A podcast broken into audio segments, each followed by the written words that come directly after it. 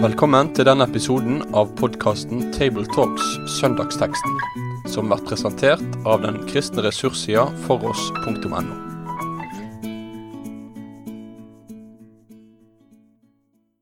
Da er det en glede å ønske velkommen til en ny episode av Tabletalks fra oss her i Bergen. Vi skal snakke om eh, teksten for pinsedag 29. mai 2019. Teksten er fra Johannes kapittel 14 vers 23 til 29. Rundt bordet her sitter som vanlig Jon Magne Sønstadbø, som er prest i Delk. Rolf Kjøde, som er leder for strategisk utvikling ved NLA Høgskolen, og meg sjøl, Tarjei Gilje, redaktør i avisen Dagen. Vi leser fra Johannes evangeliet. Jesus svarte, Den som elsker meg, vil holde fast på mitt ord, og min far skal elske ham, og vi skal komme og bo hos ham. Den som ikke elsker meg, holder ikke fast på mine ord. Det ordet dere hører, er ikke fra meg, men fra Far, Han som har sendt meg. Dette har jeg sagt dere mens jeg ennå er hos dere. Men talsmannen, Den hellige ånd, som Far skal sende i mitt navn, skal lære dere alt og minne dere om alt det jeg har sagt dere. Fred etterlater jeg dere, min fred gir jeg dere, ikke den fred som verden gir. La ikke hjertet bli grepet av angst og motløshet. Dere hørte at jeg sa, Jeg går bort, og jeg kommer til dere igjen. Hvis dere elsket meg, var dere glade for at jeg går til far, for far er større enn jeg. Nå har jeg sagt dere dette før det skjer, for at dere skal tro når det skjer. Før vi går inn i selve teksten, så har jeg lyst til å spørre litt i dag. Pinse det er jo en av de mest sentrale kristne høytidene. Det er vel kanskje den av de store kristne høytidene som det er vanskeligst for Ola Nordmann å forklare årsaken til. Og det er jo kanskje en av de som kristne òg kan synes det er vanskeligst å forklare sånn helt med enkle ord. da. Eh, hvordan går det egentlig med pinsefeiringen hos oss? Juletradisjoner har vi, påsketradisjoner har vi jo en del av, selv om kanskje de innebærer mer skiturer enn gudstjenester for stadig flere. Men hvordan er det med, med pinsetradisjoner, egentlig? Nei, Både Kristi himmelfartsdag og pinsehøytiden er vel eh, mer, blir bare, ofte bare sett på som sånne fridager også for kristne, og det er jo, det er jo trist. Eh, så det er jo svakt, egentlig, mange steder, at ikke det, folk samles på første pinsedag til, til, til gudstjeneste Mm. og møter. Hva sier du, Rolf?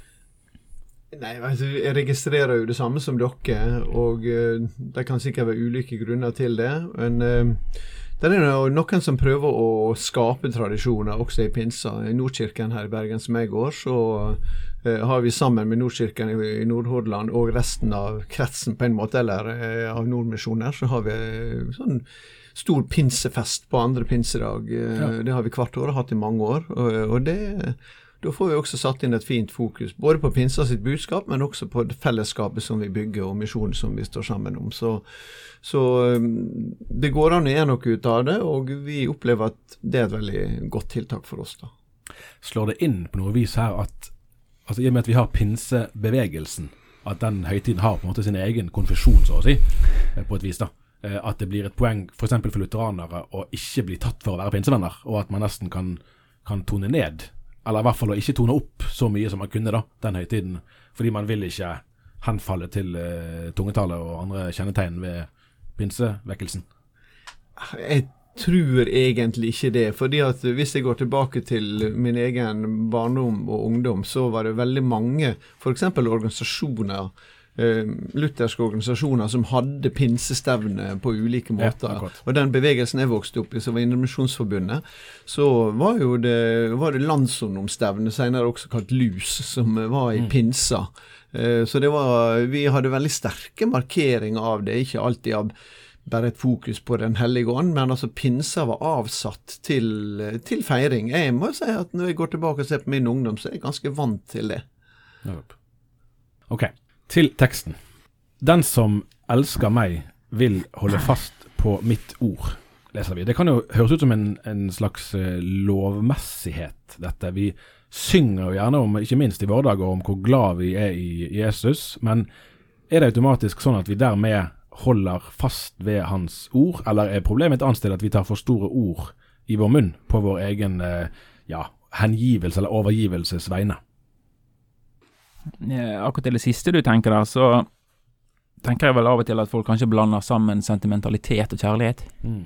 Eh, at det man tenker ofte at kjærlighet det er den gode, varme følelsen som du får når du er i del av et sånn emosjonelt fellesskap som du kan ha i, en, i et møte eller en gudstjeneste. Sant? Det er jo menneskelige prosesser som skjer der, og da er det veldig lett for å ta disse store ordene i, i vår munn. da. Eh, men det som jeg tenker på ut fra teksten her, så tenker jeg mer på det at uh, dette her er en, en, følge av fellesskapet med Jesus. Altså Jesus taler jo også før om dette i, i, i dette kapittel, i, i, kapittel 14, at det er den som holder mine bud, han, han er den som elsker meg. Altså Jesus knytter det til til ordet, om en, om en tar vare på Jesu ord, altså bevarer det som en skatt, ikke som en sånn plikt som du har, men at det er noe som er verdifullt for deg, som du, som du bærer med deg. At det, er det det handler om, å, om å elske. Og jeg tror også det er det det ordet betyr på, At det er en slags viljeshandling også bak denne kjærligheten. At det er ikke den, den følelsesmessige kjærligheten som vi gjerne tenker på, det, men at det er en sånn beslutning at jo, dette, dette, dette vil, vil, jeg, da. Eh, og så tenker jeg at eh, kjærlighet, Gud er kjærlighet. Altså Gud er dette, og det er det vi også blir kalt inn i, det er der vi settes inn i. Og der um, Altså Korinterne 13, sant. Altså det er, det er, en veldig sentral del av, av, vår tro, dette å være i Guds kjærlighet. Så du kan liksom ikke elske verden og følge Jesus. Hvis jeg er sånn som språkstillinga så er det, altså, forteller den at det er en nødvendig sammenheng. Mm. Um, det er ingen formaning i det, egentlig. Altså, det, er en, det, er ikke en, oppfordring til å Nå må du ikke ta og holde. Men er, det er, en konstatering av at det er en nødvendig sammenheng mellom denne kjærligheten som Jon Magne sier, agapeo, uh, som, er, som jo er den sjølutsletten, den, den kjærligheten som gir alt. Uh, og som jo Jesus har vist oss hva er, og som bare Gud kan heige til fullkommenhet, naturligvis. Men men, men, kommer vi inn i dette kjærlighetsforholdet til Jesus og til Gud, så, så blir det vårt hjertes ønske å, å, si ja til Hans uh, ord og Hans bud. Um, det minner oss kanskje også litt på at pinsa i den uh, uh, jødiske sammenhengen, det var en paktsfornyelsesfest, altså en, en fornya lovpakta på Sinai. Eh, vi er jo kommet inn i evangeliets tidsalder, og vi kan fornye pakta på en måte. Eh, men til den pakta hører også dette nære forholdet som vi har kommet inn i til, til Gud, eh, og som er et kjærlighetsforhold, og som også da lever ut Hans gode vilje. Nettopp. Videre leser vi Det ordet dere hører er ikke fra meg, men fra Far, Han som har sendt meg. Her sier Jesus med ganske rene ord at han snakker på vegne av den som vel må forstås å være Israels eh, gud. Eh, var disiplene såpass fortrolige med Jesu guddommelighet på det tidspunktet her at dette ikke lenger overrasket de, eller var dette fremdeles, tror dere, eh, litt gåtefullt? Nei, dette tror jeg ikke var på plass hos disiplene, og det har vi mange vitnesbyrd om. De misforstår helt inn mm. i døden, og etter hans død så har de heller ikke oversikt over hva som skulle skje. Eh, jeg tror det har vokst fram en veldig tydelig forståelse hos deg at han er Messias. Uh, og at han er en stor profet, uh, og at han er en lærer, og at han har en spesiell autoritet fra Gud som de ikke har erfart at noen andre har. Og så har du hatt noen sånne her naturunder som gjør at de har de har vært på vei ned i kne noen ja, ganger. Ja. Men uh, må huske på at dette er et jødisk monotistisk samfunn, så, og den, der den sterke bekjennelsen er at, at Herren vår Gud, Herren er én. Og uh, jeg, jeg, tror når, når, Paulus skriver i begynnelsen av romerbrevet at det på en måte ble bekrefta eller godtgjort at han var Guds sønn. Han ble ikke Guds sønn ved oppstandelsen, mm. men det ble bekrefta og godtgjort i oppstandelsen. Så er det kanskje også et tegn på at det var en slags erkjennelsesmessig vendepunkt også for disiplene. Det er der vi får den første bekjennelsen til Thomas, ikke sant, som sier 'min Herre og min mm. Gud'. Akkurat. Ja, jeg tenker også det at uh, Jeg er enig med det som Rolf sier, at de, de har nok ikke skjønt det. Men det som er så vakkert i det også, det er at det det er ikke Jesus avhengig av at de gjør heller. Fordi at her er det han som virker, og om de, de Denne kvelden er jo de mest opptatt av hvem som er den største blant dem. sant? Og så er det Guds sønn som er den store, som trer frem og taler til dem, og de skjønner ikke ordene, de sitter bare og nikker og nipper litt vin og spiser litt lammekjøtt, sant. Men eh, det, det, betyr ikke så mye, for det at disse ordene de blir åpenbart gjort, gjort synlig mer og mer etter hvert, og det er jo ikke sikkert at de i deres levetid har skjønt det noen gang, altså. Og det gjør jo ikke vi heller. Mm. Altså, dette her er jo dette det som vi skal bruke evigheten på å utforske og gå inn i, sant. Og det er Guds dybder, dette her.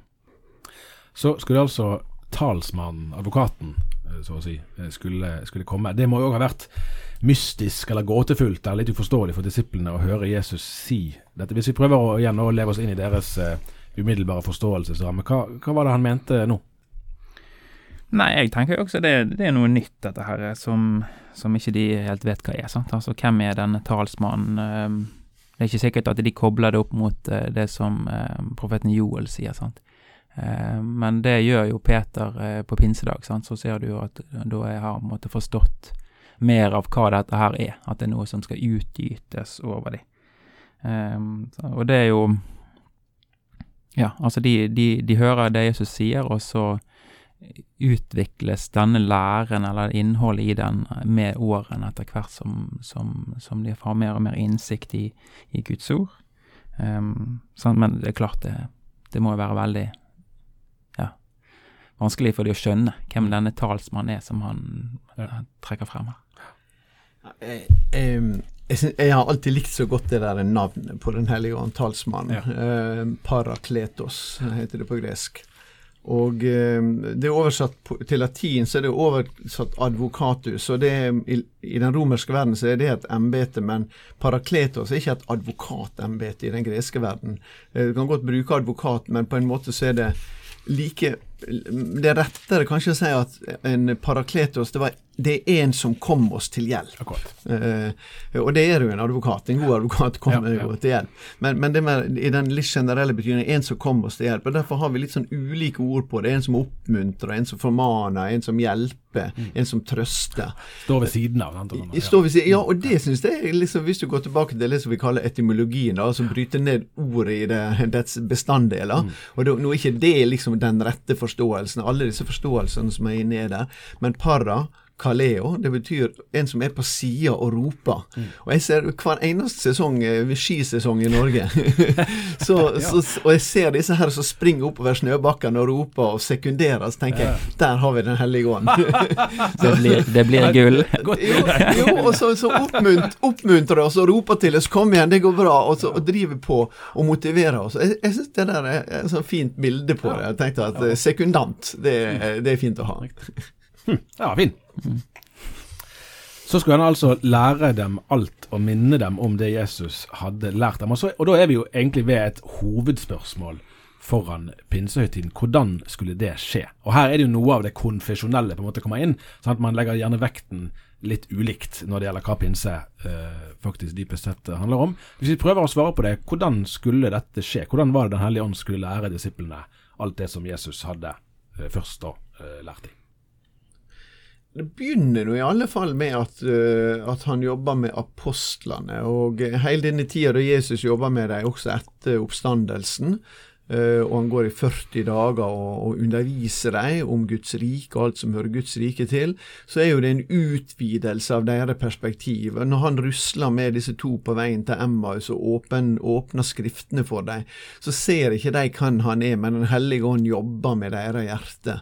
Eh, og han også sier jo første gang han treffer disiplene i Johannes evangeliet kapittel 20, så sier han eh, når han sier 'fred være med dere', så sier han 'ta imot Den hellige ånd', så puster han på dem. Altså prosessen er i gang. Eh, faktisk ved Jesu oppstandelse, og der er også ånden.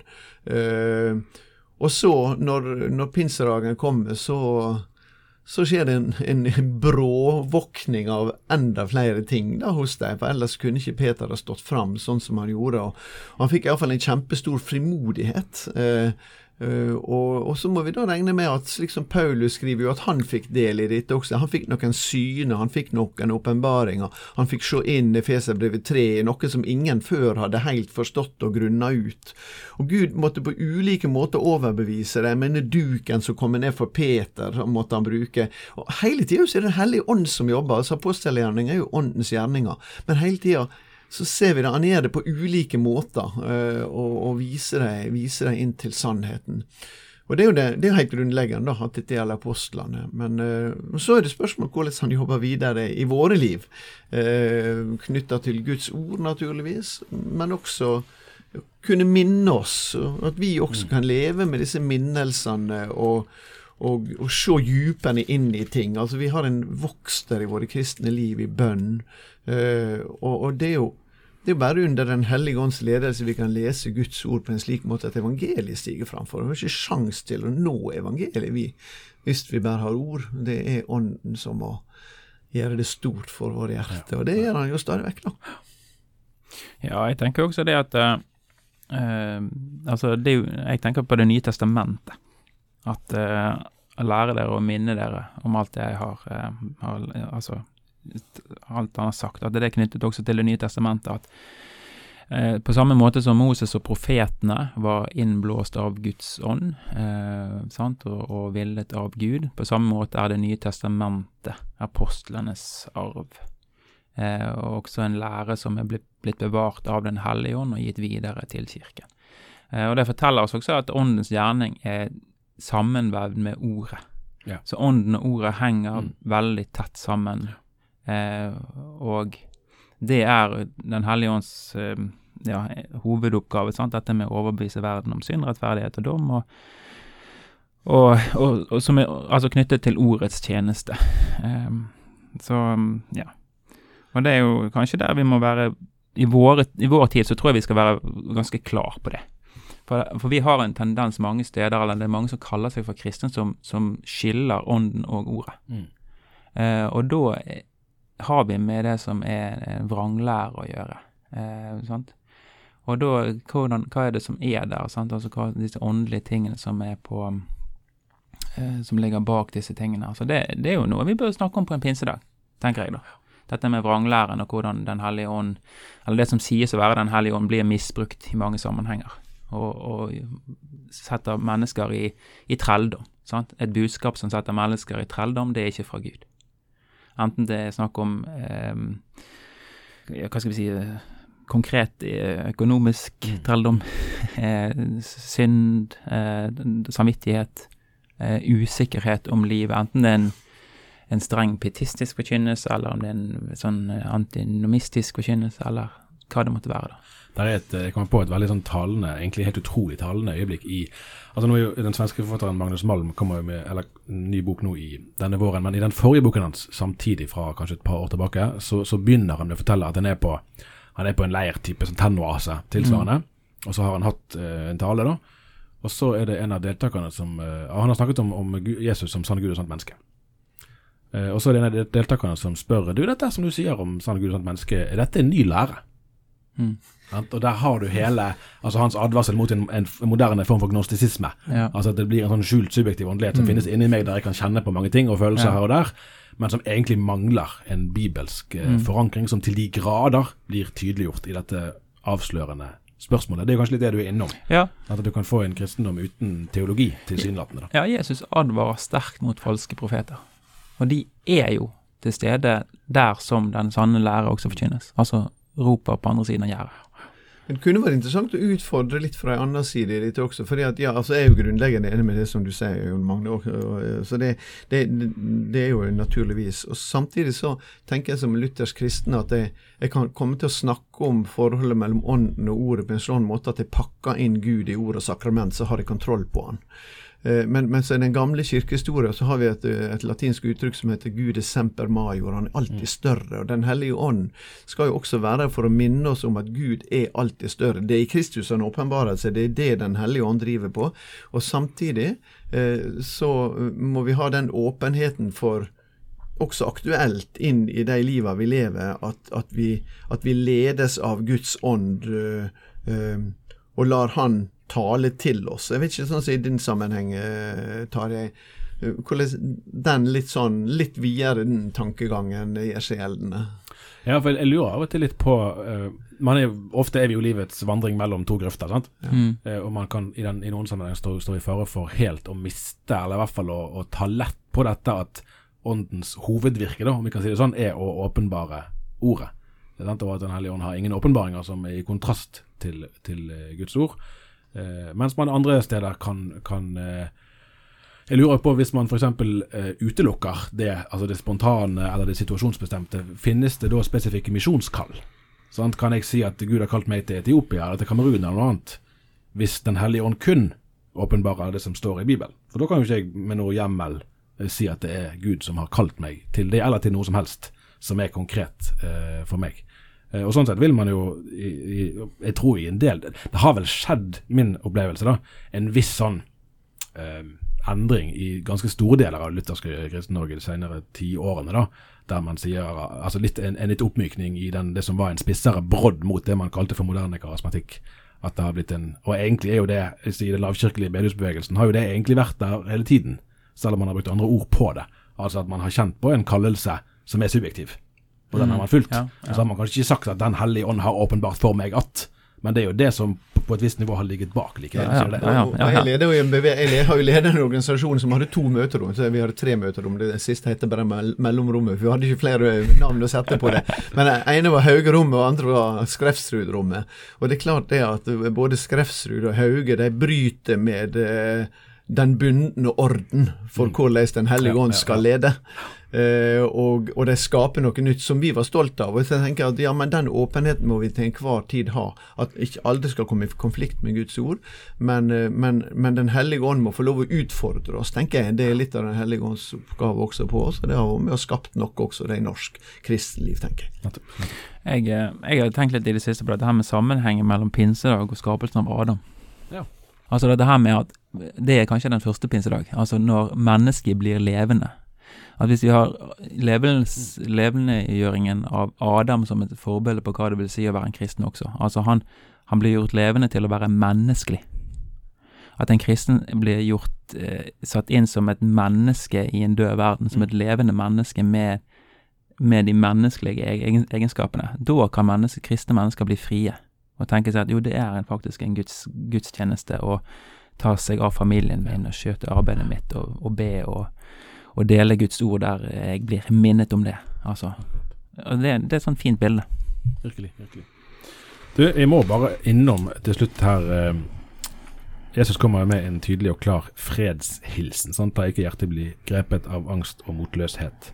Den hilsen trenger jo i dag minst like mye som de gjorde den gangen. Det er et sentralt budskap med Guds fred i møte med uoversiktlige omgivelser. Når jeg sitter i, i avisen og, og prøver å forstå litt av det som skjer rundt oss etter begrenset evne, så, så slår det meg ikke så sjelden at det ser ut for at frykt er en sentral driver, og langt inn i kristne miljø, til tross for denne og mange lignende tydelige eh, fredshilsener.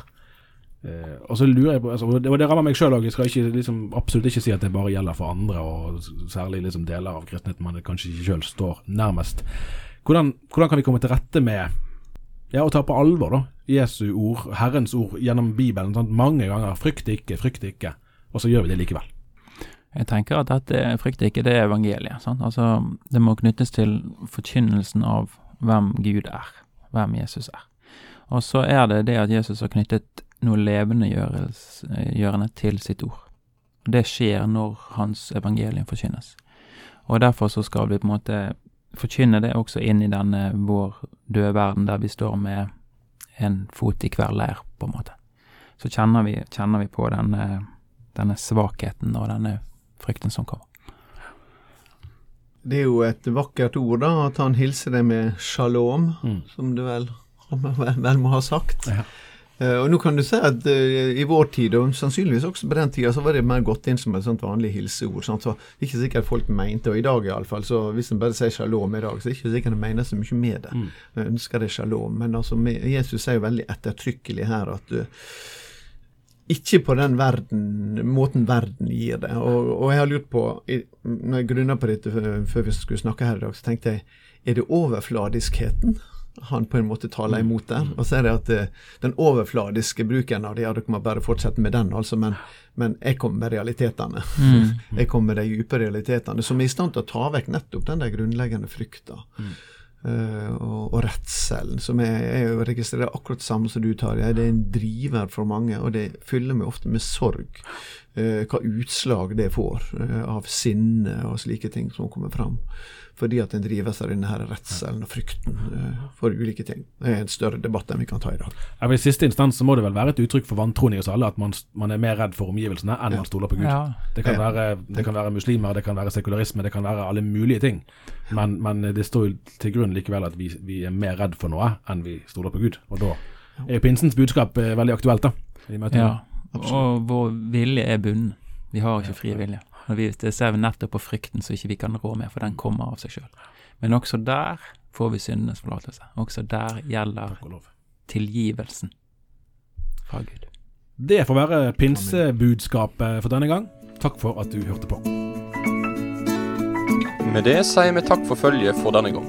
Finn flere ressurser, og vær gjerne med å støtte oss på foross.no.